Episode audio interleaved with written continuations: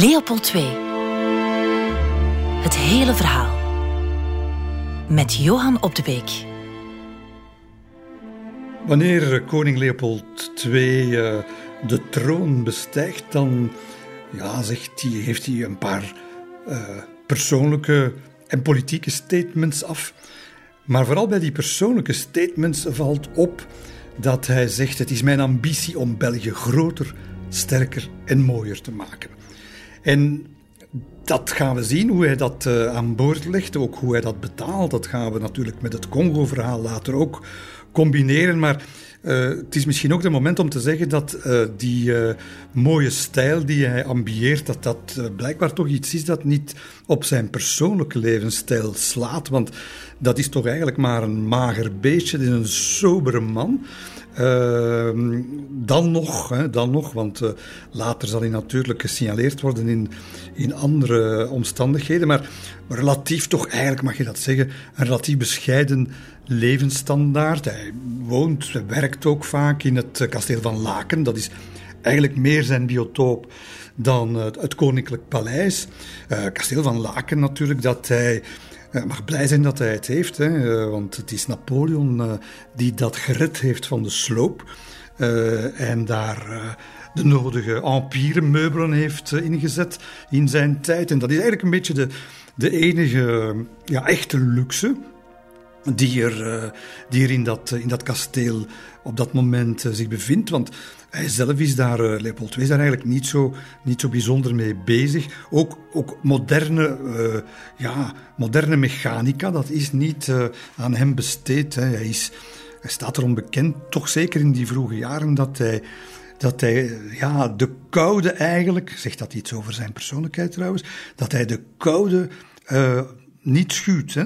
Dus dat wil zeggen slapen in onverwarmde vertrekken, verwarming, dat, dat dat moet niet. Hè. Dus de centrale verwarming die je dan in de loop der jaren ziet opduiken in, in grote burgershuizen. Nee, niet bij hem. Uh, die familie woont ook, hè, de koninklijke familie, in een, eigenlijk een handvol kamers. Hij op het ascetische af, want ook die badkamer, dat is eigenlijk...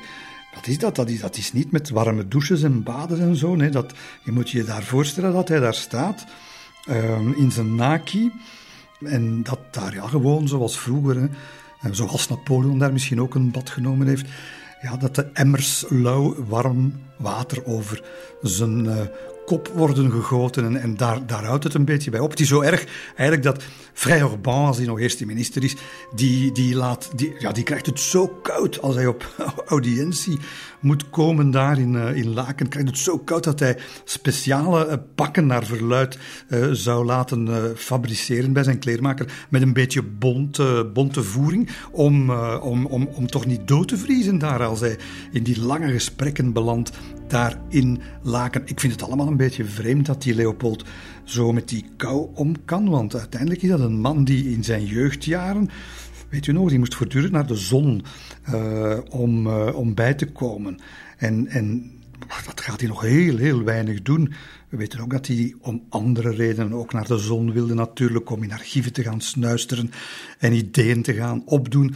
En uh, vooral ertussenuit te zijn. Maar nu is hij koning. En dus ja, die, dat legendarische fragiele ademhalingsstelsel van, van hem, het kan er blijkbaar allemaal tegen.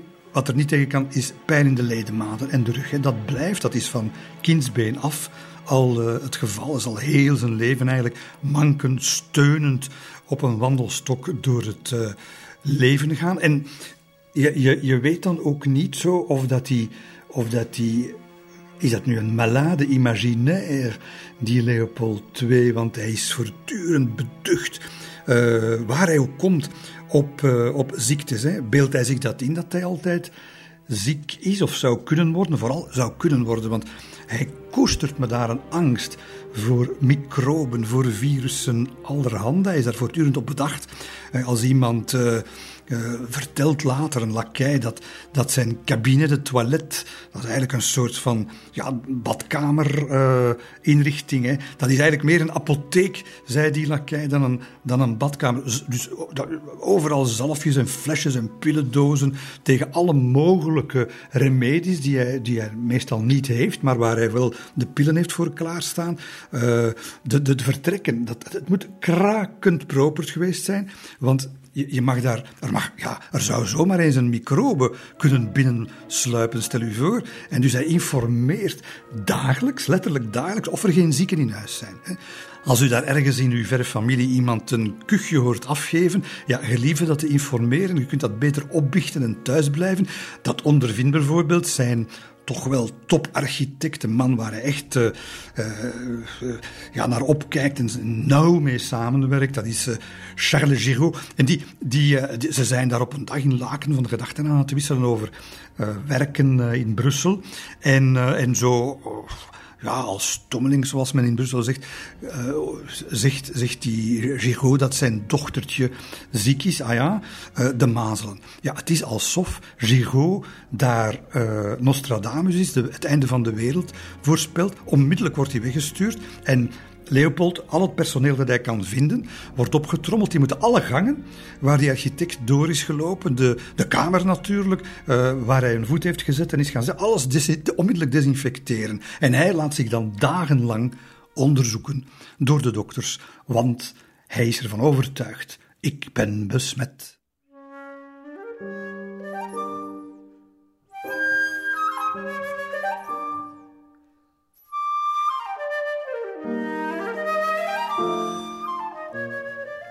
We weten, eh, heeft u ongetwijfeld al beet, dat uh, de koning een, man is die strikte routine apprecieert. Hoe uitzicht dat in zijn persoonlijk leven? Wel, dat uitzicht door vroeg op te staan en altijd op hetzelfde uur, half zes. Uitslapen, dat doen we niet. Uh, na, en dan, dan wel vreemde dingen, uh, na het ontwaken, naar verluid, uh, het eerste wat hij doet is een glas warm water drinken. Uh, dat doet hij winter en zomer om zes uur onder de douche.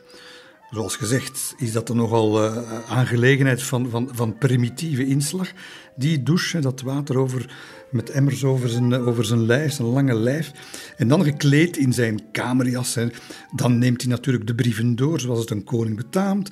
Uh, gaat hij ook vaak eigenhandig beantwoorden. En om acht uur een groot moment weer, want dan gaat hij zich in zijn werktenu laten hijsen door, uh, door zijn uh, kamenier. En dat is, wat is dat? Dat is zeer, zeer vaak op latere leeftijd is dat eigenlijk wel een gewoon burgerskostuum. Maar het grootste deel toch wel van, van, van zijn leven is dat het uniform van een luitenant-generaal. Donkerblauw, hè, donkerblauw laken met een dubbele rij gouden knopen, niet één galon of decoratie daarop. Daar, uh, ook daar weer sober.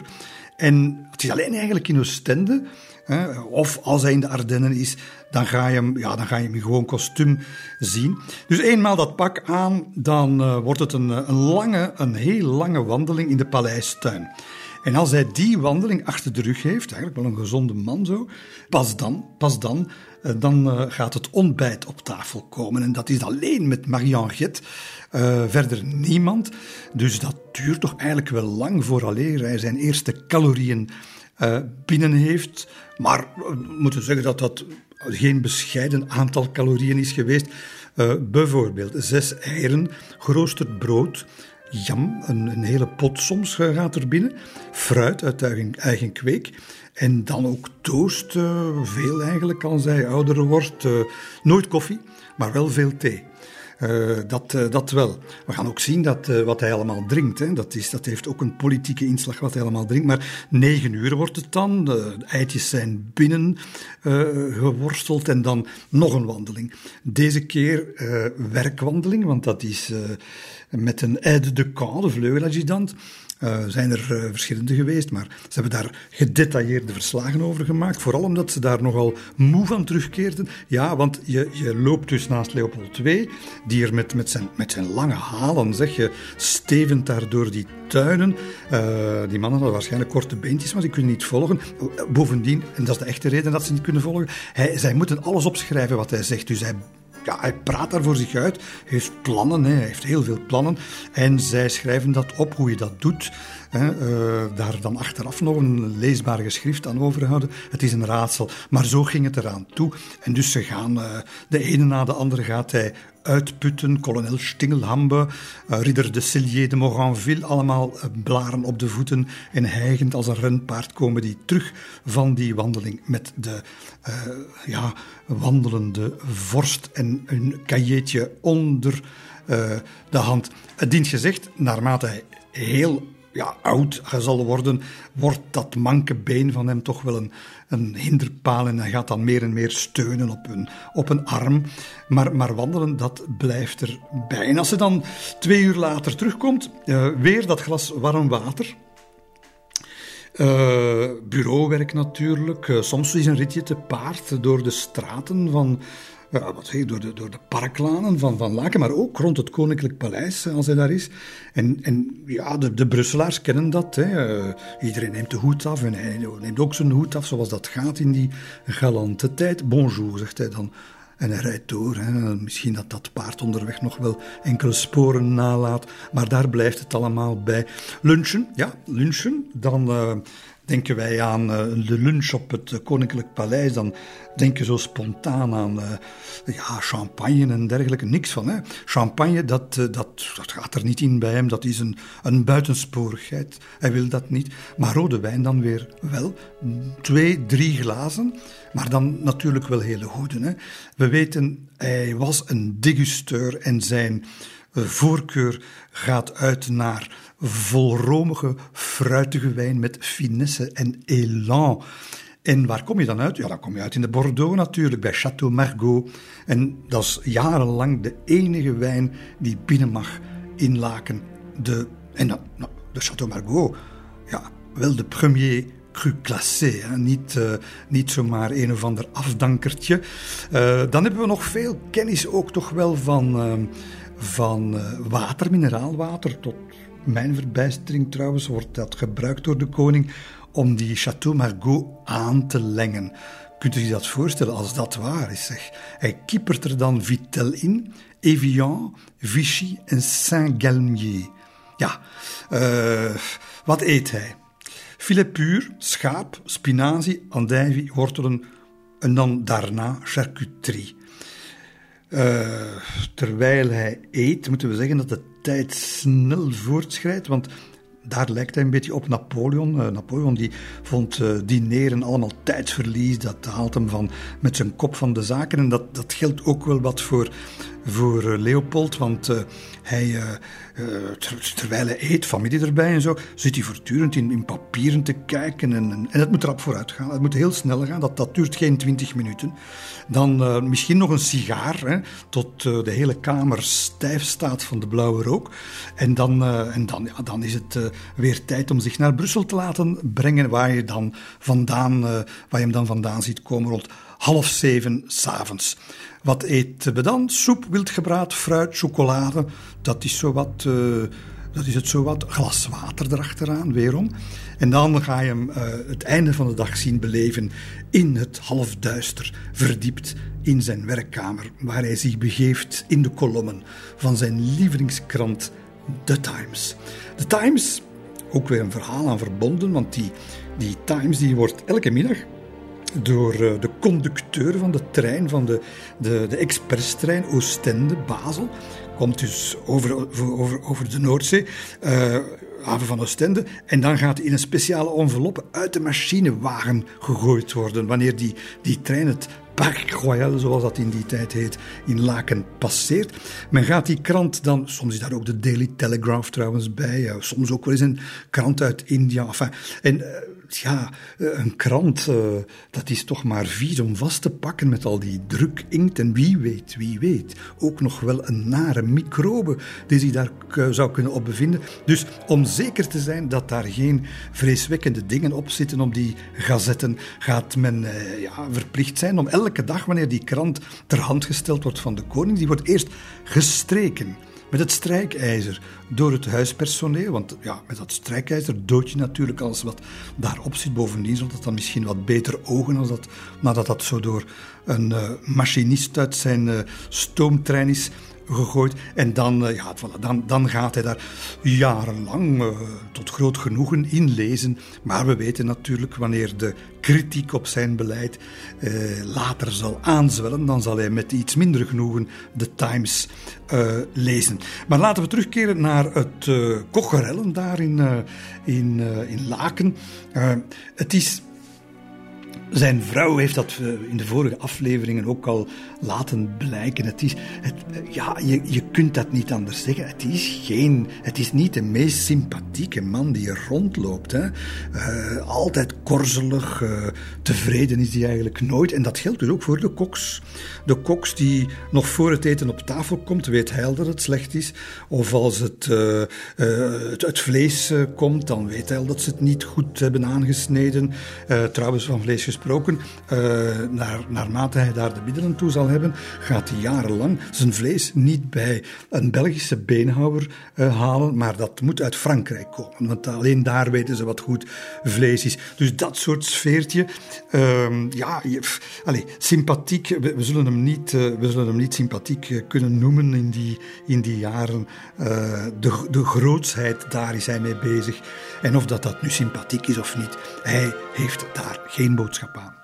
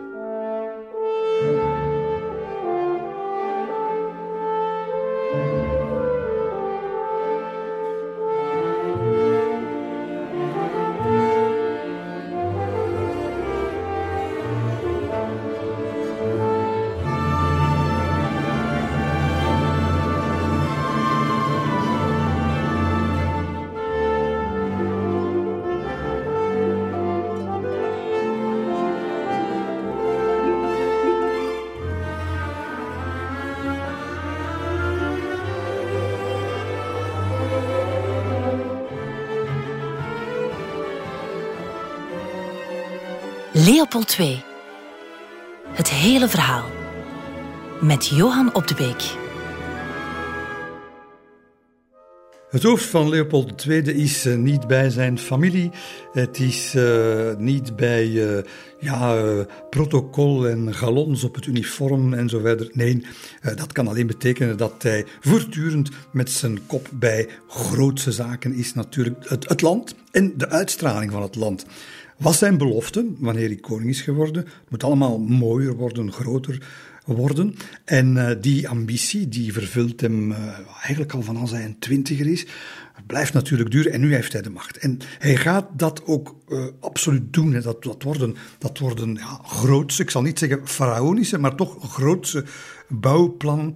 En één daarvan um, betreft zijn hobby, hij, of een van zijn hobby's. Hij is namelijk nogal bezig met plantjes. Plantkunde interesseert hem. En groen in het algemeen, hè, uh, dat zou eigenlijk. Uh, ja, we kunnen dat toch wel een groen jongen noemen hoor. In zijn tijd. Zeer avant la lettre. En een anachronisme is het natuurlijk om dat te zeggen. Maar hij is gek van de natuur. wil ook in Brussel, we gaan dat nog zien, wil ook in Brussel zoveel mogelijk mensen eigenlijk laten uh, meegenieten van, uh, van de wijdheid en de, de geuren van, het, uh, van de open lucht. Hè. Nou, Brussel is in die, in die, is in die tijd vuil, ongezonde lucht en dergelijke meer. En hij is daarmee bezig. Maar terug naar die plantkunde. Um, hij, hij heeft zich in het hoofd gezet dat er iets moet komen dat lijkt op het beroemde Crystal Palace. Hij heeft dat gezien de, in de wereldtentoonstelling in, in Londen. En Crystal Palace, zoals de naam het zegt, een glazen paleis. En hij droomt daar ook van. Ik moet dat ook hebben uh, om zijn exotische plantenwereld in onder te brengen. Daar moet ook liefst nog een grote multifunctionele ontvangstruimte uh, bij zijn. Een eetzaal, een theaterzaal. U ziet, dat is eigenlijk allemaal modern denken. En de eerste die daar tegenaan moet gaan, dat is een uh, botanist. Uh, maar dat is, ja, die man kan dat niet aan. Meer dan een, dan een veredeld plantenkastje komt er niet uit die pen gevloeid. Um, uh, maar bovendien, de koning wil nieuwe dingen, innovatie wil hij.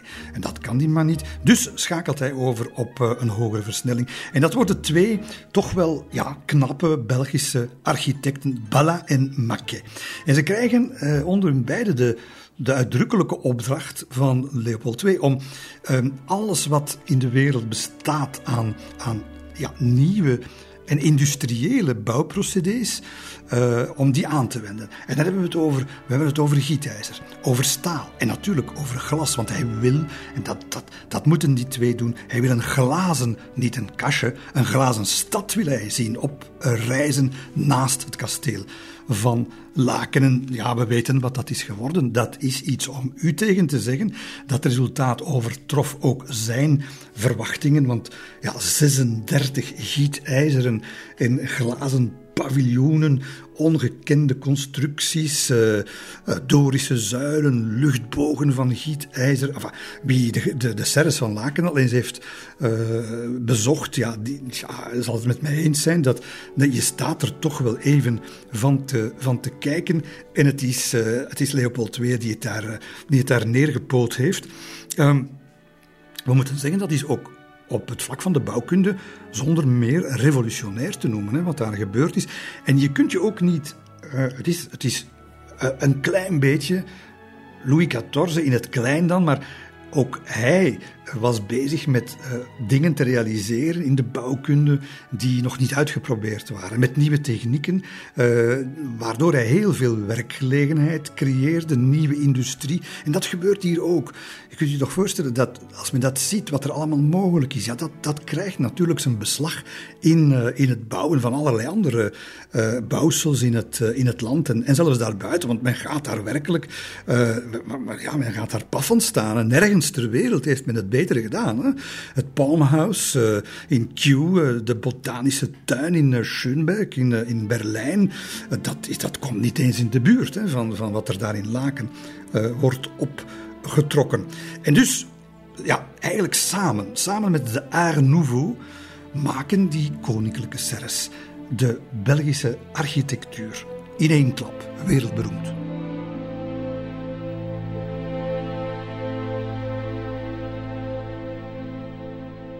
Waar hij natuurlijk eh, zijn sporen uh, echt nalaat, is de stad Brussel en nog andere steden straks. Uh, een agenda eigenlijk, laat hij daarop los, een agenda van, van bouwplannen, van graafwerkzaamheden, uh, overkoepeling van de Zenne bijvoorbeeld. Dat is een van de grote projecten uit zijn tijd. Die oude arbeiderswijken worden daarvoor platgegooid. Men legt in de plaats boulevards aan. Er komen uh, grote bomenrijen, prestigieuze gebouwen, de beurs, het Hotel Metropole, het Zuidpaleis.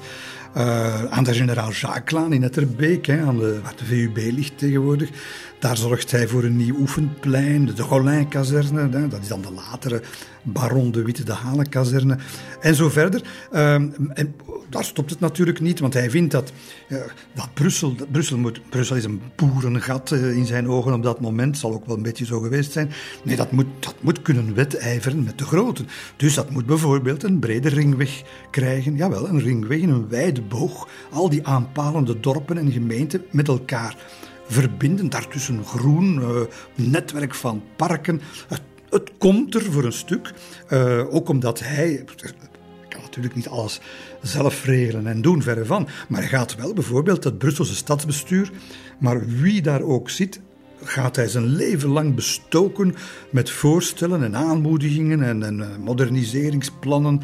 En dat gaat zijn beslag krijgen. De Regentschapstraat, de Koningsstraat, de Paleizenstraat, uh, die allemaal tot, uh, tot doorgetrokken worden. Hè. Vele ervan tot aan het kasteel van Laken. Wat ik al zei, um, dus hij heeft dat in de Senaat vroeger in zijn jonge tijd al eens een keertje te perde gebracht. Die open ruimte in de stad. In die stad die hij al meer dan het Brusselse stadsbestuur ziet groeien naar wat het later zal worden, heeft hij al Brussel in zijn hoofd. Zoals dat dan uh, medio de 20e eeuw is uitgegroeid, uh, moeilijk te zeggen. Maar in elk geval, als je over een grote ring spreekt en als je over de groene longen spreekt van een, van een, ja, een grote stad, ja, dat, is, dat is niet niks. Dus dat wordt uh, een pleidooi voor het Terkamerenbos. Terwijl die uitloper van het, van het Sonienwoud, dat, is, ja, dat is niet alleen een, een, moderne gedachte, maar dat is ook een juiste gedachte. Want meteen wanneer dat ter kamer een bos wat aangelegd is en de nodige verfraaiingen kent, meteen is dat, is dat een, een mega succes. Men trekt daar en masse naartoe, enthousiaste mensen. Uh, populair ook in de, in de hoofdstad. Uh, eerst en dat moeten we er ook bij zeggen. Eerst voor de welgestelde klasse, maar later gaat elke Brusselaar uh, daar wandelen. Uh, en het sterkt hem, het sterkt hem in de overtuiging dat, ja, dat de mensen daar behoefte aan hebben. En hij zal dat ook zeer nadrukkelijk zeggen. Hij wil dat, uh, dat, men, dat men meer groen. 16, 16 parken en lanen gaat onder uh, Leopold II aangelegd worden. Het Dudenpark, het park van Sint-Gilles. Hij redt het, het, het, ja, het prachtige park van Josafatpark. Dat, dat is eigenlijk uh, gevrijwaard gebleven. Men ging het omhakken, hè, wat daar stond aan bomen. Uh, gevrijwaard gebleven omdat hij, omdat hij er zich mee ging bemoeien. Nu, uh, dat is op zijn eigen manier natuurlijk brutaal en niets ontziend. Komt daar op een zekere dag, komt hem aan de oren dat, dat er weer wat bomen moeten omgehaakt worden door de stedenbouwkundige Victor Besmé, die, dat, die, die zijn, zijn vingertjes aan, de, aan het Brusselse geboomte durft, durft te steken en, en die, vindt, die de koning op zijn weg. En die gaat hem dus schrijven, het is betreurenswaardig. Het is betreurenswaardig indien Brussel de eeuwenoude bomen van zijn mooiste promenade voor de bijl zou zien gaan. Het zou me ten zeerste ontstemmen indien er in plaats van het huidige heerlijke lommer enkel nog bomen te vinden zijn zoals die in de plantentuin. En dat men die dan het resultaat van de verfraaiingswerken van de hertog van Brabant zou noemen. Het staat vast dat bomen waarvan men de voet met 30 of 40 of 50 centimeter aarde bedekt, doodgaan. In dit geval zou men ze met een meter of zelfs meer bedekken. Het is een schande dat de heer Besmee niet op de hoogte is van een van de elementaire beplantingsregels. Indien ik me niet duidelijk genoeg uitdruk, indien u me niet begrijpt, indien de heer Besmee een even slechte ingenieur als een slechte tuinier blijkt te zijn, zend hem dan maar naar mij. En ik zal mij met u en hem ter plaatse begeven. De heer Besmee is verzot op rechte lijnen. Nu is er niets makkelijker dan rechte lijnen te trekken. Maar dat volstaat niet. Met Terkameren en de vijvers van Elsene bijvoorbeeld, uh, daar is hij zeer mee begaan. Hij stopt daar geld in. Zijn eerste daad, uh, wanneer hij koning is, aankoop van dat, ja, van dat natuurgebied. En hij, kondigt dat ook aan. Hè. Als hij eenmaal koning is, dan kan hij natuurlijk meer gewicht in de schaal leggen voor, voor Brussel.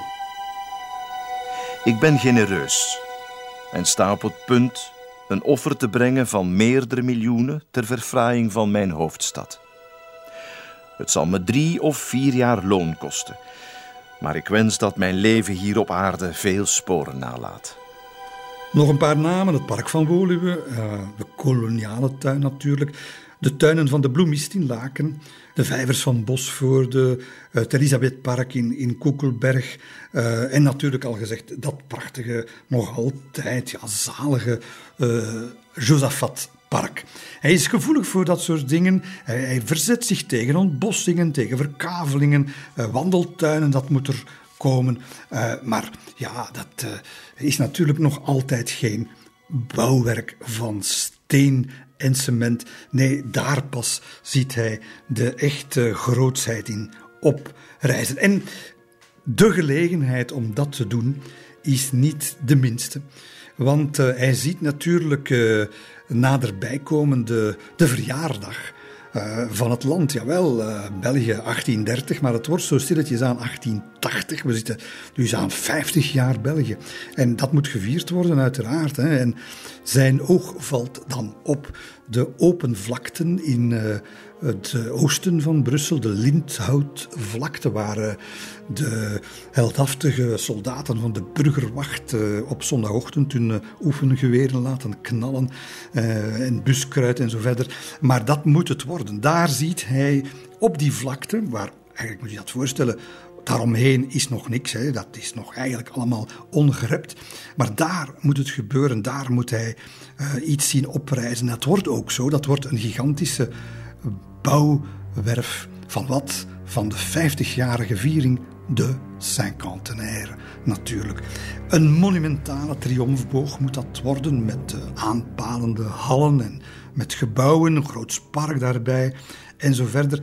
En tot, tot verbijstering van, van, van de vorst, die daar natuurlijk uh, volle bak achter zit, is dat, wordt dat allemaal ontvangen met vrij weinig uh, zin, met vrij weinig enthousiasme. Begrijp dat niet, hè?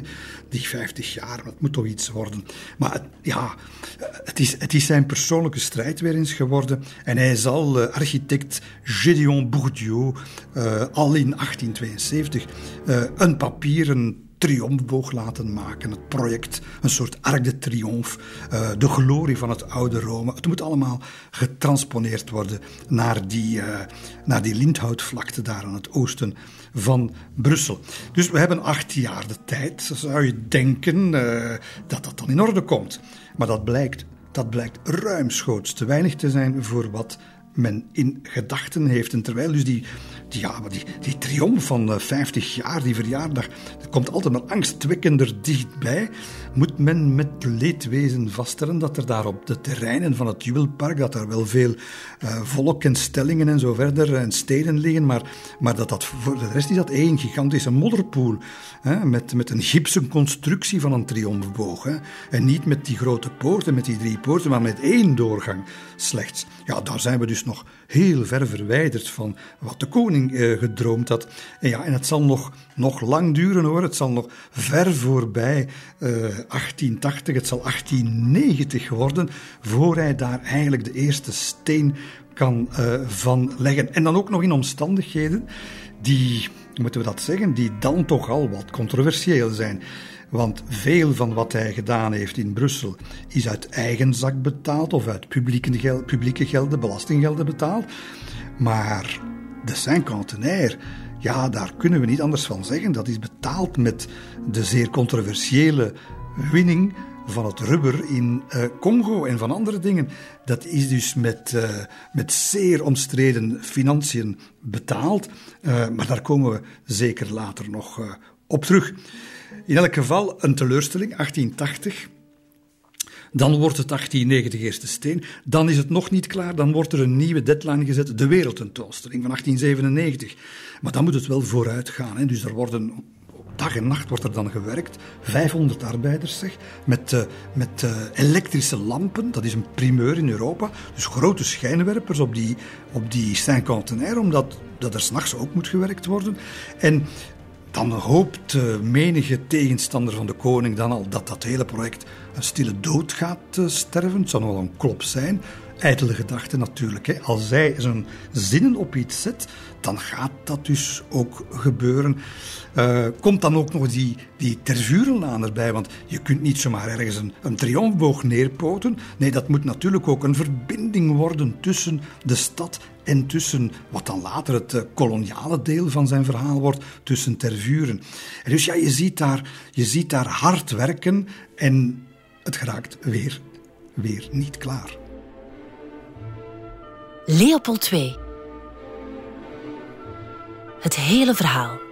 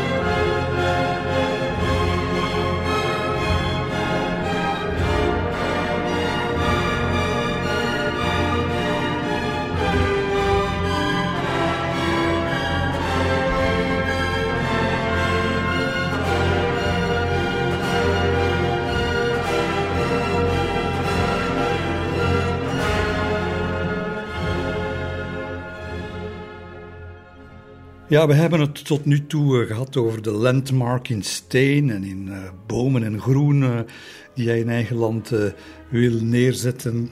Maar de echte ambitie, die hij tot nu toe ook in studiebureaus en in zijn arsenaal en in zijn reizen heeft te kennen gegeven. Zijn echte ambitie is natuurlijk de verruiming, de vergroting, de, de economische expansie van het, van het land. En hij leeft natuurlijk ook in een tijd waarin dat de ambities van alle landen, ik zou zeggen vooral de grote landen. Uh, in 1867 wordt in Zuid-Afrika diamant ontdekt.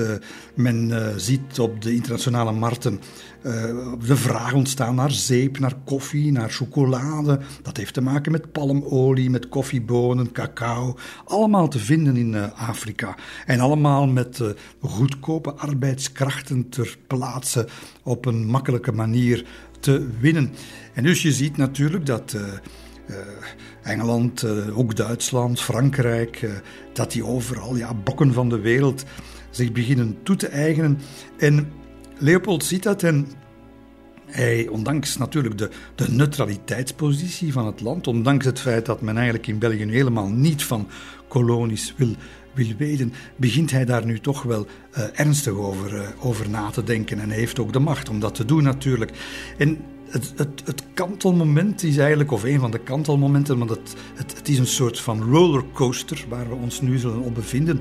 Uh, van het ene naar het andere. Het uh, verhaal Congo ontstaat natuurlijk niet op het moment dat hij een voet zet in Congo, of beter gezegd zijn, zijn vertegenwoordiger. Het verhaal Congo ontstaat veel vroeger.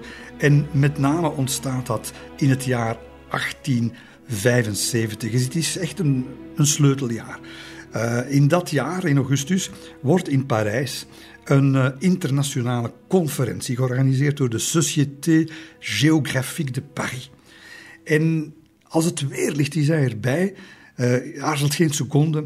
Hij moet daar zijn, natuurlijk niet zelf, maar hij stuurt daarvoor een van zijn trouwe medewerkers als plaatsvervanger, Emile de Borgraven. Die moet daar de nieuwste nieuwtjes en de inzichten over Afrika gaan, uh, gaan opvangen. Niet dat er al veel bekend is, want het is nog altijd een raadsel wat zich daar allemaal afspeelt en wat het eigenlijk is daar, uh, Afrika, en zeker dat centrale gedeelte. Uh, maar dat raadsel, dat wil hij mee ja, ontrafelen. Hè. En daar schuilt natuurlijk wel een harde logica in. Hè. België is door zijn kleine omvang volledig afhankelijk van export. Als het land niet meer kan exporteren, dan is het eigenlijk gedoemd om te verdwijnen, want de interne afzetmarkt is te klein. Dus als een van de grote buurlanden, ja, die, kunnen maar, die moeten maar duwen, hè, die moeten maar beslissen bijvoorbeeld om de toltarieven wat op te drijven, ja, dan gaat heel die Belgische export als een kaartenhuisje in elkaar zakken, omdat de Belgische producten dan te duur worden en zo verder. Dus dat gebrek aan middelen, uh, of door dat gebrek aan middelen, zou België uh, de in dezelfde mate moeten kunnen importeren. En het logische gevolg, handelsbalans, zou dan uit het lood hangen. Belgische frank zou zijn waarde verliezen. Belgische bedrijven zouden nog meer moeten betalen voor import. En het enige redmiddel is dan, hè, is geen euro, het enige redmiddel is dan een monetaire unie met de grote landen. Dat is natuurlijk de doodsteek, dat weet Leopold ook. De doodsteek, want België verliest dan de controle over de munt, over zijn munt, en dus eigenlijk ook over zijn soevereiniteit. En dat kan ook niet alleen België bedreigen, maar natuurlijk ook die monarchie van België. Dat is zijn grote angst en hij begrijpt dat zeer goed. Net zoals hij begrijpt dat een, een dalende muntwaarde ook uh, ja, voor heel wat sociale ellende gaat zorgen. Koopkracht zal kelderen. Dan heb je revolutie die voor de deur staat. En dus de conclusie van dat alles staat hem eigenlijk uh, glashelder voor ogen. Als hij zijn positie wil handhaven, uh, dan is economische slagkracht de strategie en een kolonie het wapen. Nu ook niet te veel focussen, want wij zijn natuurlijk vandaag altijd maar op Midden-Afrika gefocust. Maar in die tijd is hij vooral bezig met, ja, is met alles bezig. Turkse eilanden, Middellandse Zee, zeker en vast nog altijd met Azië. die aandacht voor China bijvoorbeeld zal hij nooit laten uh, verslappen. Maar natuurlijk, uh, nu je ziet dat uh, ja, het zuiden van Afrika al door de Britten en de, de Kaapkolonie, de boeren en zo verder wordt gecontroleerd. De, de kustgebieden, Portugal, ja, maar met moeite. en, en wat, wat, wat, wat weet iedereen? Drie kwart van dat donkere continent, donker omdat het zo onbekend is, dat ligt nog tussen aanhalingstekens voor het oprapen. We, zijn al wel wat bekend met uh, de schot Livingstone. Ja, die uh, was op zoek naar de Nijl, heeft daar van alles ontdekt. Maar, maar eigenlijk eigenlijk weet men het nog altijd niet. En de koning gaat dat goed in de smiezen krijgen en hij gaat dan aan Lambermont, de topdiplomaat, ook een Europees zwaargewicht, gaat hij op 22 augustus 1874 een vertrouwelijk koninklijk schrijven richten, waarin hij heel duidelijk is. Je ziet dat schrijven ook staan. Hij is op brief, briefpapier van het kasteel van Laken. En hij schrijft daar. Zijn handschrift is zo goed als onleesbaar, maar we zeker en vast goed kunnen lezen, is het onderwerp van die brief L'Afrique. En hij komt meteen ter zake. Voor het ogenblik zijn nog de Spanjaarden, nog de Portugezen, nog de Hollanders tot verkoop bereid. Ik wil discreet informeren of er in Afrika niets te doen valt. Leopold schrijft ook dat hij uh, de verslagen van Livingstone, die, uh, die Schotse zendeling en ontdekkingsreiziger, dat, hij die, uh, ja, dat die hem diep getroffen hebben. en met eigen hand schrijft hij op 26 augustus van datzelfde jaar, schrijft hij, of zet hij zijn gedachten verder uiteen. Als hij zijn lange marsen beschrijft, rept Livingstone niet over één dorp niet één klant, niet één stam zonder dat hij er ontbering en slavernijmisdaden heeft gezien, verkrachtingen en moorden. Het aantal slachtoffers is schrikbarend. De balans loopt in de tienduizenden. Wat een gapende wond is dit. We moeten onze tijd waardig zijn door hem te helen. Wij kunnen niet met gekruiste armen toekijken op het moment dat we Afrika leren kennen en zien wat zich daar afspeelt. Dat zou onchristelijk zijn.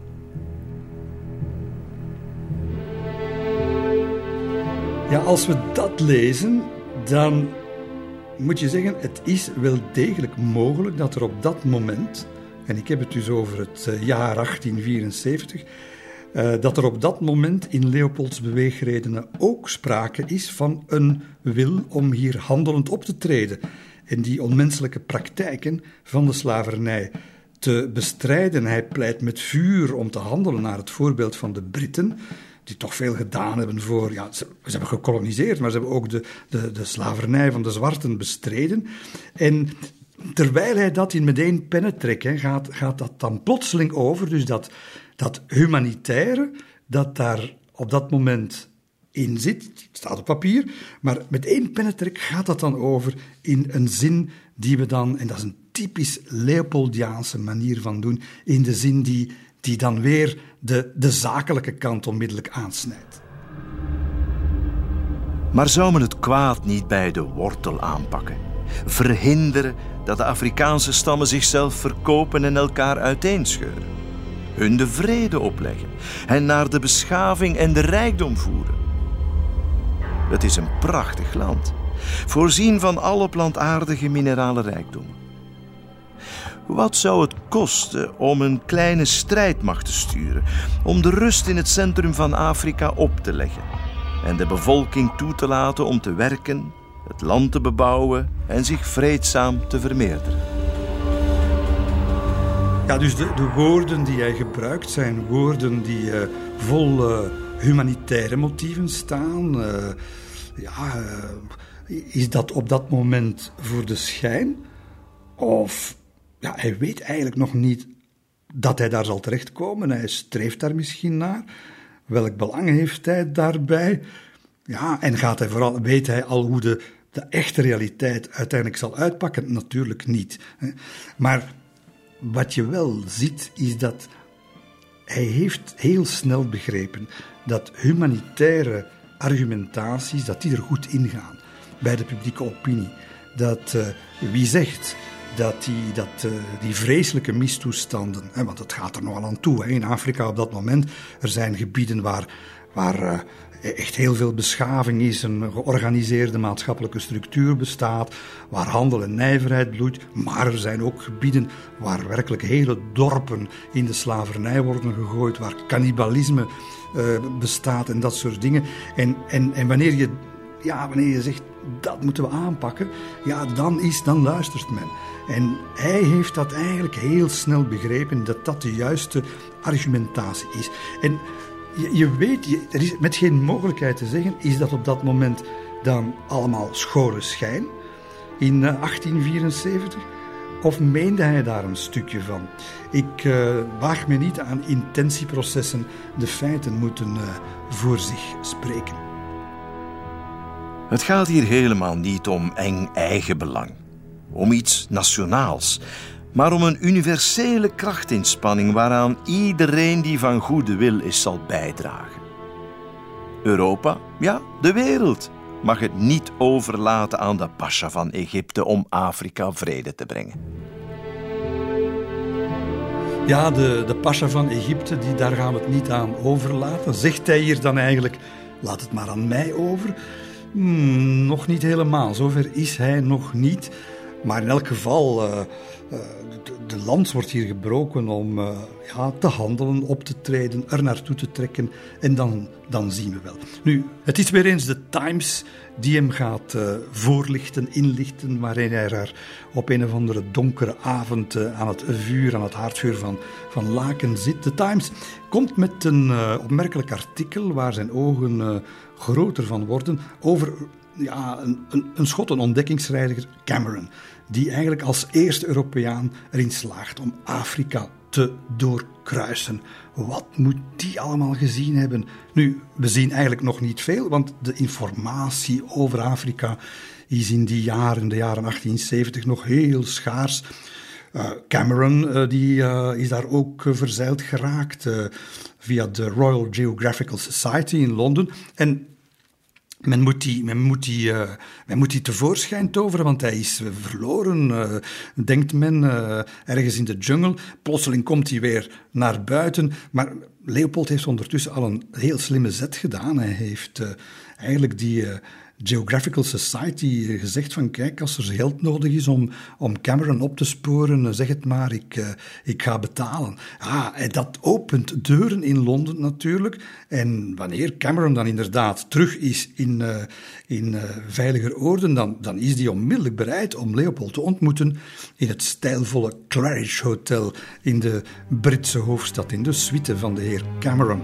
En ja, dat betekent ook dat plotseling, eigenlijk zonder, zonder dat hij daar aanspraak kan op maken, ook zonder dat hij daar ja, want Engelsen zouden dit moeten natuurlijk exploiteren, wat Cameron, wat Livingstone allemaal komen vertellen. Nee, het is plotseling Leopold die aan de bron van de informatie, van primaire, basic informatie komt te zitten. En hij gaat die natuurlijk aanboren. Hij krijgt kaarten, hij krijgt stapels kaarten van wat, daar, van wat, die, wat, wat die mannen ontdekt hebben. En, de reisomstandigheden, de dagboekaantekeningen, de problemen, de hindernissen. Alles wordt hem uit de doeken gedaan. Dus hij krijgt daar plotseling een onbelemmerde toegang tot de meest directe informatie over uh, Midden-Afrika. En dat is natuurlijk de belangrijkste munitie, hoogwaardige munitie, die zich in Konings arsenaal gaat bevinden.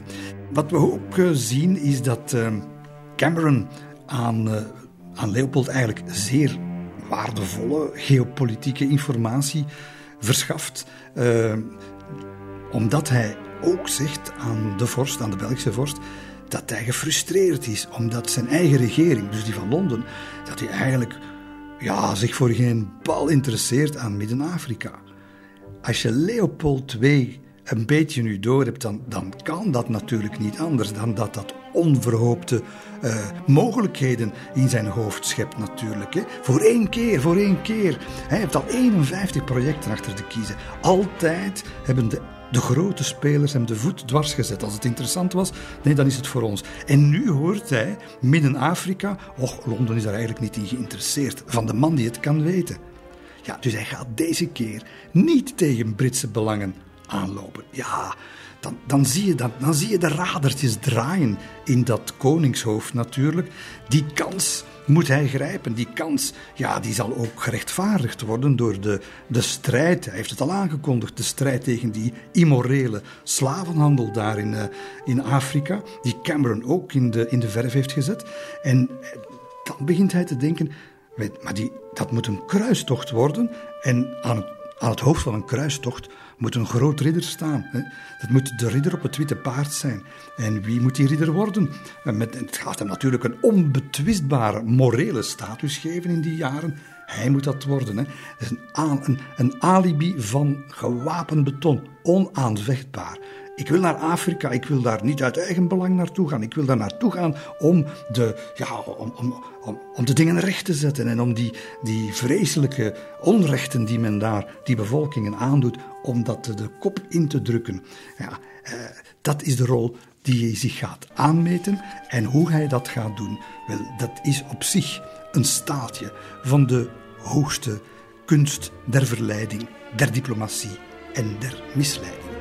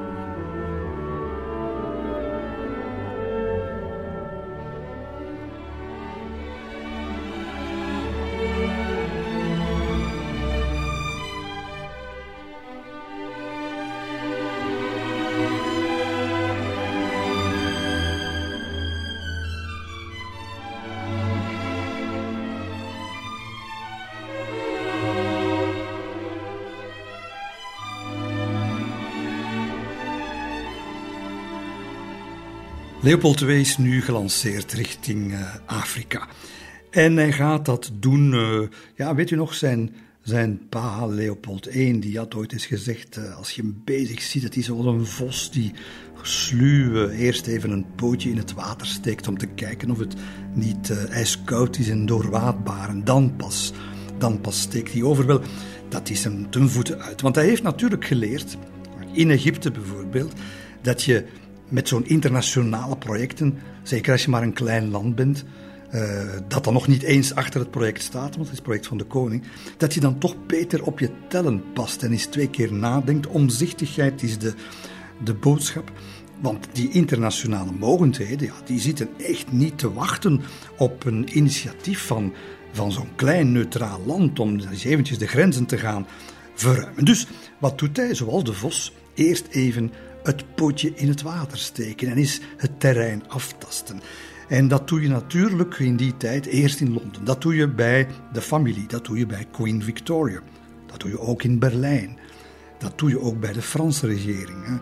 En daaruit blijkt, uh, zal het waarschijnlijk met de nodige pluimstrijkerijen uh, omringd hebben, maar daaruit blijkt dat daar waarschijnlijk niemand bezwaren of fundamentele bezwaren gaat maken.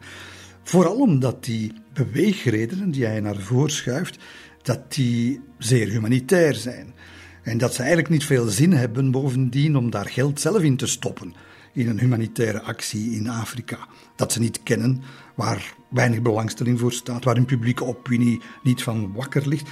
Komt daar zo'n Belgische monarch en die komt zeggen: ja, Ik zal dat wel even regelen. Wow, dat is goed, zeggen die, dat, dat doe maar. Dus er wordt, er wordt daar op het eerste zicht wordt hem daar niets in de weg gelegd. Geen slapende honden zijn wakker gemaakt en dan is het tijd voor de volgende stap. In het voorjaar van 1876 gaat hij, gaat hij werkelijk een, uh, ja, uh, een hele machinerie in gang steken. Hij gaat al zijn medewerkers die hij kan optrommelen uh, aan het werk zetten, want hij wil in Brussel, in de hoofdstad van België, wil hij een internationale conferentie organiseren over Afrika.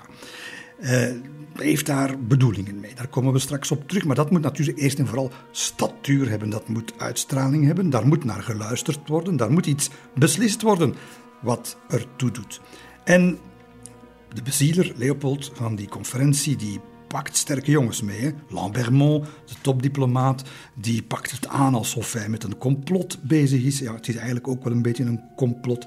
Maar hij gaat dus ja, uh, wetenschappers, uh, vertegenwoordigers van de diplomatieke wereld, de financiële wereld, gaat hij uitnodigen met uiteraard een evenwicht politiek hè, tussen de grote stromingen, vooral liberalen en katholieken. We hebben het over Belgen, hè, die hij in, in augustus op het paleis uitnodigt. Dat is de eerste stap.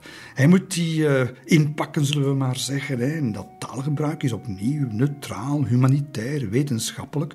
de mond vol van beschaven en dergelijke meer. En hij, hij vraagt eigenlijk, hij smeekt bijna, met gespeelde onderdanigheid, smeekt hij die Belgische ja, grote namen toch wel in die wereld, smeekte eigenlijk om, mag ik uw steun hebben? Hè? U gaat zich toch niet verzetten? Nee, een nobele zaak, wat zouden wij ons verzetten? Ze gaan allemaal, uh, ze gaan allemaal meedoen. Dus met die namen achter zich gaat hij naar stap 2. Het varken dat je echt moet wassen, dat is natuurlijk, dat zijn de buitenlandse delegaties. En hij gaat niet over één nacht ijs, hij wil tussen 12 en 14 september 1876 wil hij in het Koninklijk Paleis, wil hij die conferentie van Brussel, de geografische conferentie van Brussel, wil hij organiseren. En er moeten dus allerlei, uh, ja, de potentiële congresgangers, dat moeten allerlei uh, topnamen zijn, liefst uit de, grote landen. Wel nu, die gaan uiteindelijk ook allemaal komen.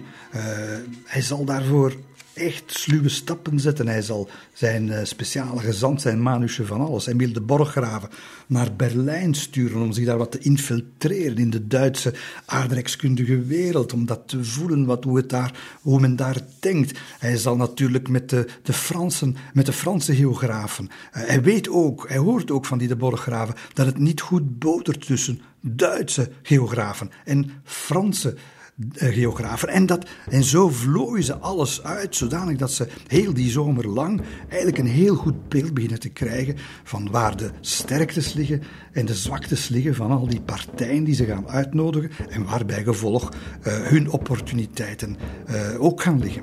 En ja, dat, het, het, wordt, het wordt echt zwemmen in de papieren, zwemmen in het zweet ook want tot in september moeten al die uh, kabinetchefs en, en andere helpers moeten zich ja, uit de naad werken. En het is koninklijk kabinetchef De Vaux, op zich al geen grote voorstander van al dat Afrikaanse plannenmakerijen, die, uh, die daar een beetje gefrustreerd over geraakt. We zwemmen in het midden van Afrika. Ik voel me meer aangetrokken tot de blanken. En ik beken u dat de activiteiten waaraan u deelneemt in Berlijn me veel aantrekkelijker lijken dan het doen en laten van de oeverbewoners van het Victoriameer. Waar komen ze allemaal vandaan? Duitsland, Frankrijk, Groot-Brittannië, Italië, Oostenrijk, Rusland. Niet uit uh, koloniale mogendheden van kleinere landen zoals Nederland, niet uitgenodigd. Portugal, niet uitgenodigd, uh, want die zitten al een beetje te dicht daar aan de monding van de, van de Congo. Uh, maar maar de, de belangrijke namen zijn er allemaal. En hij zal ze ja, op ook weer heel Leopoldiaanse wijze uh, ontvangen. De, evenement van het jaar wordt dat daar op het Koninklijk Paleis, aan het Warandenpark. Uh, iets uh, in Brussel wat zich natuurlijk bij voorkeur laat inleiden door lekker eten en drinken. Dus ze gaan daar eerst een lange ontvangst hebben in, uh, in de paleiszaal, in de, de troonzaal en dergelijke feestelijke opening met natuurlijk de tafelcauseur par excellence. Leopold, die daar zijn gewicht in goud waard is. Hij gaat daar iedereen in de beste stemming krijgen. Hij gaat daar opgaan in, een, in zijn rol van weldoener van de zwarte mensheid. En hij gaat daar zijn gehoor als volgt toespreken. Sta me toe u hartelijk te danken voor het enthousiasme waarmee u op mijn uitnodiging bent ingegaan. Naast het genoegen dat ik zal kunnen smaken om te luisteren naar uw debatten over kwesties die ons bezighouden, zal het mij ook een groot plezier verschaffen om al deze mensen te kunnen ontmoeten die zich onderscheiden door hun beschavingswerk en die ik al sinds jaren volg. Nodeloos te zeggen dat ik geen enkel eigen belang koester door u hier in Brussel uit te nodigen. Nee, mijn heren, België is klein maar is tevreden met zijn lot. Ik zal natuurlijk niet beweren dat het mij onverschillig zou laten indien mijn land de eer te beurt zou vallen om deelgenoot te mogen zijn van de eventuele belangrijke vooruitgang die uit deze bijeenkomst kan voortvloeien. Als je dat allemaal over je heen krijgt na het zoveelste glas wijn en met de belofte dat je morgen met de koninklijke koetsenkaravaan naar de opera wordt gevoerd in de munt, ja, dan ben je geneigd om daarin mee te gaan, om dat te geloven. Uh, die, uh, die mensen die, ja, die, dat, dat, is niemand die op dat moment het idee heeft dat hij misleid wordt. En worden ze ook helemaal misleid? Je kunt op dat moment twee dingen denken. Je kunt op dat moment denken, hij speelt komedie, Leopold. Je kunt ook op dat moment denken, uh, ja, hij wil, op dat, hij wil nog niet praten over zijn, zijn zakelijke bedoelingen, want dan komt het project misschien in gevaar. Dat is iets wat we, wat we ja, daarover speculeren, dat zijn intentieprocessen maken. Laten we het bij de feiten nogmaals houden. Hij zegt niks over koloniale ambities. Hij fetteert, zij rijdt ze rond. Uh, hij gaat charmeren. Wie moet gecharmeerd worden? De scherpe kantjes eraf halen. Uh, wie uh, een beetje te, ja, te kritisch is, die gaat in slaap wiegen. Lambermont gaat daarbij helpen. En ja, dat, hij zal ook zeggen van, we moeten, we moeten toch opletten dat daar in Afrika dat dat niet, dat dat niet de inzet wordt van een, van een Europese strijd. We moeten dat samen doen. Ja, dat vinden al die wetenschappers ook. Dat mogen we allemaal niet laten gebeuren. Dus na twee dagen zijn die, uh, zijn die delegaties uit die verschillende landen, die natuurlijk, dat zijn aardrijkskundigen, wetenschappers uh, en zo verder, maar, maar die wegen thuis in Berlijn en zo verder, wegen die wel zwaar door in de opinievorming. Na twee dagen zijn die eigenlijk helemaal weg van die onbaatzuchtige Belgische koning en zijn voorstel om de, uh, ja, de regio onder het bestuur te brengen van een soort ja, wat is het? Een soort internationale autoriteit die, die de in eerste plaats de slavenhandel gaat bestrijden, die de beschaving gaat rondstrooien, die daar handel gaat uh, binnenbrengen met het Westen, die daar uh, uh, exploratie, exploitatie, daar spreekt hij niet van, maar exploratie gaat doen en, het, het, continent in kaart brengen. Het zijn natuurlijk allemaal schijnbewegingen die zich hier uh, voltrekken. Het zijn zaken die op zijn minst toch, als het geen schijnbewegingen zouden zijn geweest, dan toch op zijn minst niet eh, de andere bedoelingen laten blijken die hij op dat moment toch ook al koestert. Maar het komt, op het, op het, ja, het komt eigenlijk neer op een algemeen applaus op het einde van die conferentie in Brussel en de oprichting van een groot, eh, een zeer prestigieus orgaan, de AIA, de Association Internationale pour l'Exploration et la Civilisation de l'Afrique Centrale. Allerlei nationale comité's van al die landen gaan daarin zitten, maar de touwtjes die gaan in handen zijn van Belgen, van trawanten van Leopold I. En het is een beetje de schuld van die nationale comité's ook hoor, want die gaan zich er eigenlijk later niet echt meer voor interesseren. Uh, hij lacht in zijn baard, in zijn lange baard natuurlijk, want het is een groot uh, persoonlijk succes voor de man Leopold II, die nu echt gefeteerd wordt of gaat worden in eh, het buitenland als, als een groot vorst, als de morele leider van de, de strijd tegen de, de slavernij. Dus hij staat bijzonder sterk, daardoor ook sterker in eigen land. Een onafhankelijke leider, een centrale figuur. Ja, behalve in eigen land eigenlijk wel toch wel, want die, de, de, de grote politieke families, uh, die, die, die zijn het er eigenlijk, die, die vinden het maar niks. Uh, die, de pers die beginnen daar ruzie over te maken, de, kranten. Uh, men, men schrijft, uh, ja, hij is eigenlijk van plan, of de regering is van plan om een zak geld te geven, om een, beschavingsplan te spenderen aan smeergeld voor missionarissen. Nou, de liberalen versus de katholieken.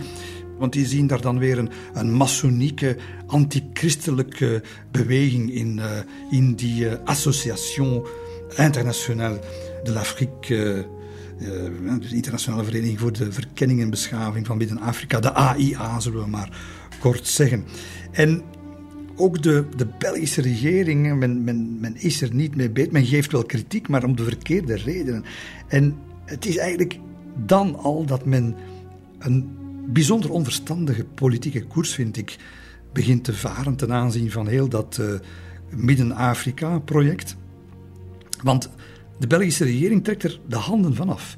Ze distancieert zich van de hele zaak.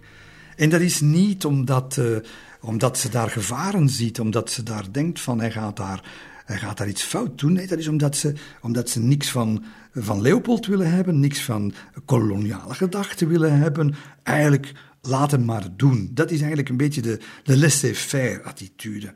Dus men legt zich daarbij neer en eigenlijk vindt het feit dat hij niet gesteund wordt, dat hij, dat hij, ja, dat hij los van de Belgische regering kan opereren.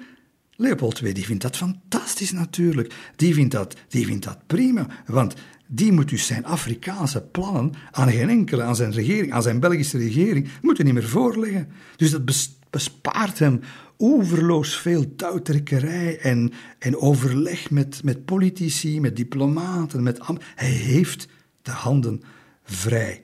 En dus, en dat zal niet de laatste keer zijn, hè, de, de, de, de ijver van de politiek om Leopold een beetje te dwarsbomen, ja, daarmee schiet men eigenlijk in de eigen voet en schiet men eigenlijk ook, of veroordeelt men eigenlijk het, het project, daar zullen we zeker uh, dieper op ingaan, veroordeelt het project eigenlijk tot, tot, een, uh, tot een heel kwalijke koers.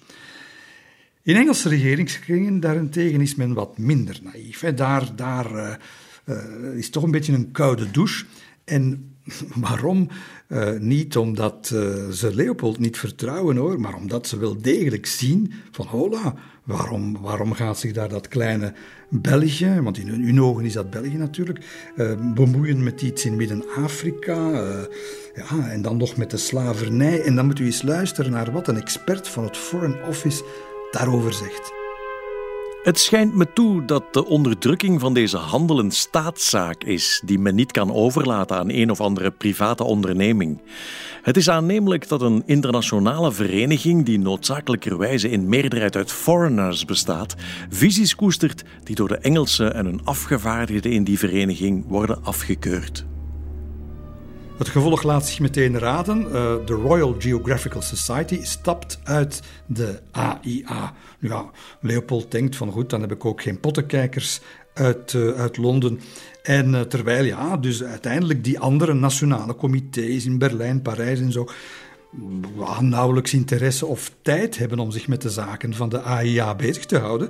Ja, hebben, hebben ook daar dus uh, Leopold en zijn pionnen uh, de, de, ja, ruim baan om, om het wel te doen. Om zich wel met, uh, met de zaken bezig te houden.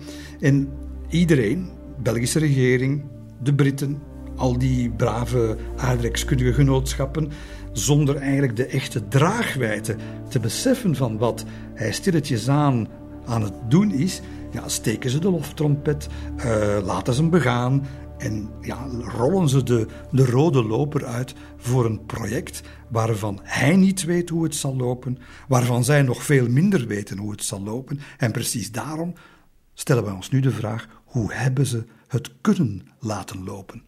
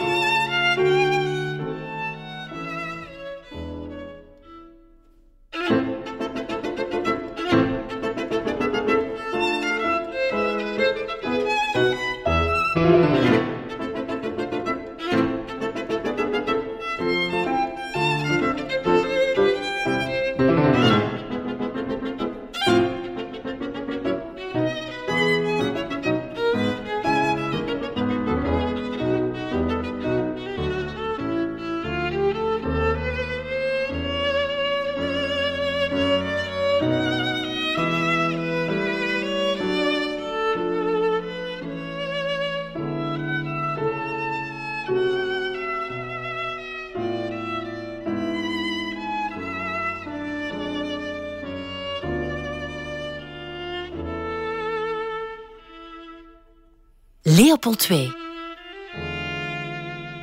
Het hele verhaal.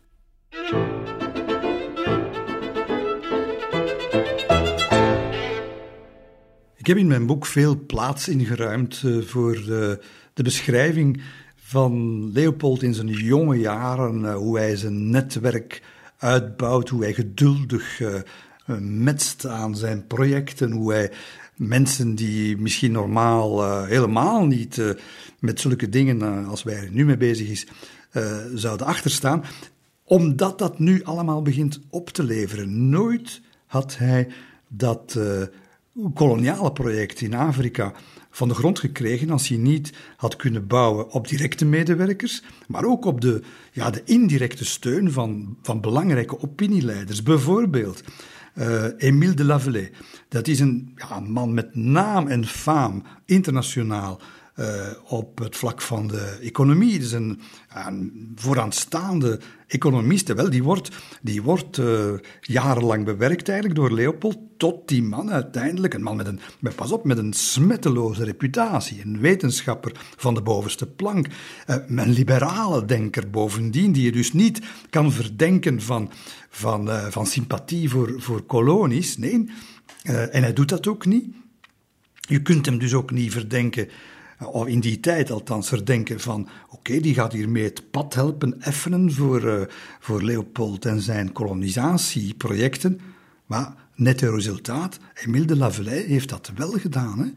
Uh, hij, is, hij is eigenlijk deel geworden van die, van die PR-machine van Leopold, uh, waarin toch veel mensen hebben gezeten die, ja, die, die eigenlijk niet wisten wat zijn agenda was en die niet wisten in welk spel ze eigenlijk meespeelden. En dat leidt ertoe dat de Lavelet op een bepaald moment echt op een, op een heel flatterende manier uh, gaat, uh, gaat zeggen wat Leopold in Afrika van plan is. En als van de, van de Lavelet dat zegt, ja, dan, dan kon je er echt wel donder op zeggen dat heel veel sceptici zeggen van, nou tja, misschien is dat toch wel interessant. Wat zo mooi is in de doelstelling van de conferentie van Brussel, is dat het er niet om te doen is om Afrika met geweld te veroveren ten voordele van één enkele staat, maar deze reusachtige regio met vrede en handel op te nemen in de grote stroom van de beschaving. En dit ten voordele van de gehele mensheid. Nu, daarmee ben je er nog niet als Leopold II zijnde. Uh, het is niet omdat de Lavelet je steunt en dat je zwaargewichten als Lambermont aan je zijde hebt en, uh, en andere vertrouwelingen. Daarmee ben je natuurlijk nog niet echt aan de slag. Daarmee ben je nog niet in Afrika. Daarmee ben je nog niet eens begonnen aan wat dat enorme continent te bieden heeft om dat te, te ontdekken en te ontginnen. Nee, daarvoor heb je als koning Leopold II zijnde, heb je dringend behoefte aan een handlanger. Een handlanger die weet hoe je zulke dingen, moeilijke projecten ter plaatse kan aanpakken.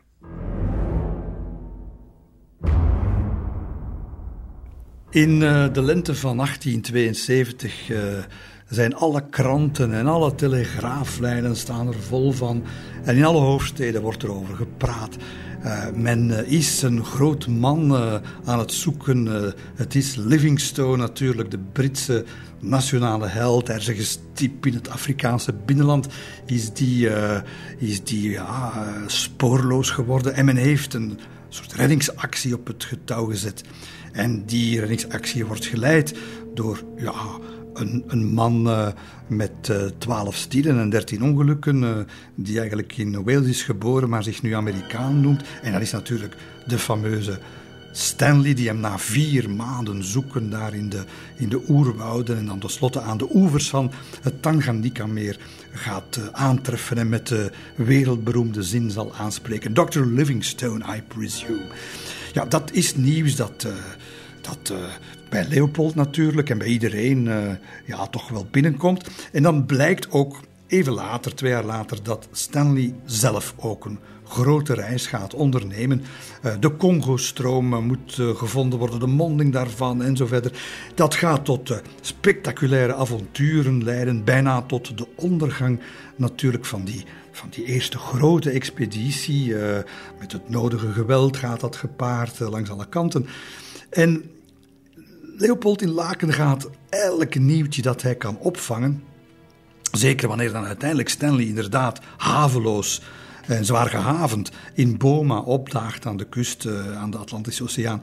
Hij gaat elk nieuwtje uitpluizen en hij wil alles weten. Hè. Natuurlijk, elke keer als die Daily Telegraph of de, de Times op zijn bureau belandt, dat moet dat, dan duikt hij erin. En dan hij kan zich nauwelijks bedwingen van opwinding, zal uit zijn stoel geveerd zijn wanneer hij verneemt dat uh, precies 999 dagen na het vertrek uit Zanzibar Stanley aangekomen is bij de monding van de Congo. Uh, ja, dat, dat, dat, is, dat, dat is ongelooflijk nieuws. Hij heeft het continent helemaal kunnen doorkruisen, van oost naar west. Stanley zal gevierd worden ten allen kanten. Uh, en hoe meer die Stanley wordt gevierd als de grootste ontdekkingsreiziger uit de geschiedenis, ja, hoe meer hij Leopold gaat fascineren natuurlijk. En Congo uh, nog zo goed als onontdekt, uh, ver voorbij de horizon, niet tot het middelpunt van de belangstelling van de Britse kroon uitgeroepen. Dat, dat biedt mogelijkheden voor Leopold. En natuurlijk beseft hij zeer snel dat die Stanley, dat dat natuurlijk de man is die hij nodig heeft. En Leopold geeft eigenlijk aan uh, de Belgische ambassadeur in Londen, baron Solvijns, de opdracht om hem nu uh, heel nauw op de hoogte te houden. Dus hij maakt eigenlijk een beetje gebruik van een, Belgische diplomaat. Dat zou je normaal van de regering verwachten. Nee, de koning moeit er zich mee. Uh, om onder het alibi van die nog altijd onschuldig ogende AIA.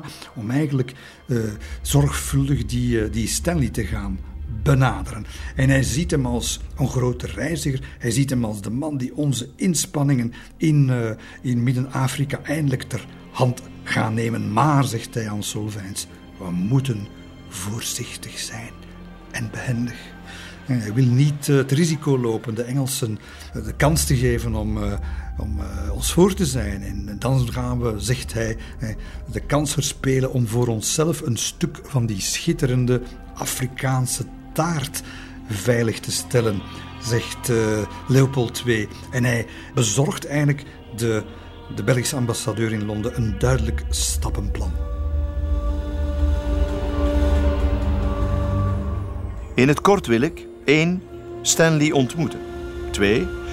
Als Stanley mij bevalt, zal ik geld voor hem inzamelen om een grondige verkenning mogelijk te maken van een aantal gebieden aan de Congo en zijn zijrivieren en om daar posten op te richten. 3. Voor zover de omstandigheden dat toestaan, zal ik proberen deze posten om te vormen tot een soort Belgische nederzettingen of tot water- of landstations die de onze zullen zijn. Ik denk dat wanneer ik Stanley in het openbaar de taak toevertrouw om namens mij het bestuur over een gedeelte van Afrika over te nemen, de Engelsen mij zullen tegenhouden. Als ik hen consulteer, zullen ze mij eveneens willen stoppen.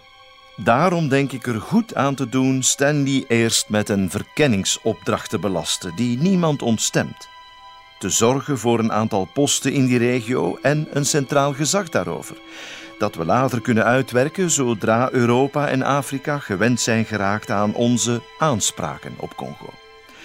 De posten die Stanley opricht zullen vrij ter beschikking staan van de internationale associatie die zich hopelijk zal ontwikkelen. In de eerste dagen van 1878 gaat het uh, zowaar een soort van uh, detectiveverhaal uh, worden. Hij roept, Leopold dus roept twee mannen bij zich. En de eerste is, eh, niet verwonderlijk, dat is uh, Greindel, de, de, ondertussen secretaris-generaal van de AIA, maar ook een Amerikaan. En dat is de voormalige uh, ambassadeur van de Verenigde Staten in Brussel, Henry Shelton Sanford, generaal Sanford. Slimme keuze natuurlijk, want hij wil Stanley benaderen en, en op wie kan, ja, wie, wie kan er meer indruk maken op, op zo'n genaturaliseerde Amerikaan dan een Amerikaan met veel prestige achter zijn naam. En hij gaat die twee uh, heren, hij gaat die een geheime missie uh, toevertrouwen. Uh, ze moeten ervoor zorgen dat Stanley eerst naar Brussel komt, voor hij in Londen aankomt op zijn terugkeer uit Afrika. Leopold, via allerlei slinkse kanalen, is aan de weet gekomen dat Stanley nog een tussenstopje zal maken in Marseille, waar hem waarschijnlijk het zoveelste feest, nog maar eens een decoratie en zo meer. En zij moeten hem daar eigenlijk al uh, knippen en zij moeten hem daar eigenlijk al overtuigen. En dus op de, op de avond van 13 januari ja, komt de expresstrein uit Brindisi aan in Marseille. En een, uh, oh, ik kan denken, Stanley kapot van die geweldige expeditie uit Afrika, vermoeid van die, van die reis uh, uit Afrika naar Italië en Frankrijk en zo. En, en, die, en die wordt daar aangeklampt op het perron door, door twee volslagen onbekenden, ah, maar wel met naam, baron Grijndelo, generaal Sandford uit Amerika, oh, dat zijn heren van stand. Maar Stanley uh, ja, is onder de indruk, maar hij is helemaal niet overdonderd. Want hij moet bekomen natuurlijk, hij is heel moe. Uh, en wanneer hij dan hoort dat uh, generaal Sanford hem aanbiedt om meteen voor de AIA te komen werken, voor Leopold, voor koning Leopold, en, en eigenlijk terug te gaan naar Afrika. Nou, Stanley denkt dat ze op hun hoofd gevallen zijn. Hè. Ja, België. Nee, hij is vereerd, ja oké. Maar hij wil natuurlijk, hij wil het in Londen gaan uitleggen. Uh, de British Empire en zo meer. Dus hij bedankt daar die twee uh, eerbiedwaardige heren voor hun belangstelling en hun genereuze aanbod. Hè, want er waren natuurlijk al geldelijke toezeggingen klaar. Maar, maar ja, ze zien hem vertrekken. Hè. Ze zien hem met ledenogen vertrekken naar Londen. Want daar gaat Stanley. Hij hoopt dat tenminste, hij gaat daar lezingen geven, interviews geven. En hij zal natuurlijk met de open armen ontvangen worden door de Britse gezagsdragers, door zakenmensen. Uh, die uh, hij Congo kan verkopen en, en, zaken doen en zo verder. Maar het zal niet gebeuren. Die Engelsen die, uh, die, die, zien het niet. Uh, ze, zien, ze zien de belangen van Midden-Afrika op dat moment helemaal niet. En, en Stanley, ja, die krijgt wel een race en decoraties opgespeld, uh, maar, maar, maar krijgt geen contracten binnen. En is daar bijzonder ontgoocheld over. Ik begrijp niets meer. Ofwel verdenken ze me van eigen belang, ofwel geloven ze niet in me. Stanley kan het niet geloven, de Engelsen moeten er niet van weten. En de Amerikanen evenmin. Het is alsof het Congo-bekken, uh, ja, dat het, het ligt te ver van hun bed, daar komt het op neer. En wie laat zich ondertussen op de hoogte houden van al die tegenslagen en van die frustraties? Het is natuurlijk uh, ver weg in Laken, uh, Leopold II. En hij kan de, de pen, elke dag beroert hij ze. Bestookt Solvijns natuurlijk, de, de ambassadeur in Londen, met allerlei vragen. Hè. Is Stanley nu ontmoedigd, wil hij weten. Eh, heeft hij nog medestanders in, eh, in Londen? Hoe sterk zijn die? En dat duurt maanden, maanden, maanden. Uh, hij, hij, weet, hij weet dat Stanley de sleutel is die hij nodig heeft, die iedereen nodig heeft, als je iets wil gaan beginnen in Midden-Afrika. En hij stuurt opnieuw uh, zijn mannen op pad naar Londen. Uh, komt daar tot een lunch met Stanley. ja, uh, Sanford, de generaal, de Amerikaan, die moet daar, in opdracht van, van Leopold, moet daar een beetje over de koetjes en de kalfjes en over Afrika natuurlijk, maar hij moet dan langs de neus weg even laten vallen iets wat totaal niet waar is. Het is verzonnen, het is een misleiding weer. Moet laten vallen dat de Belgische koning al aan het onderhandelen is met andere ontdekkingsreizigers over Congo. En wat zegt die Leopold dan voor hij aan, uh, aan Stanford die opdracht geeft? Je zult zien, zegt hij, Stanley zal schrikken en hij zal toehappen. Zeg eens, van mensenkennis gesproken, hè? beroofd van al die illusies dat de Angelsaksische wereld hem in de armen zal sluiten, gaat inderdaad Stanley nog geen week later de uitnodiging aanvaarden om naar Brussel te komen. En dus historisch moment. Je kunt het niet anders zeggen. 10 juni 1878. Stanley stapt aan boord van een stoomschip met bestemming Oostende.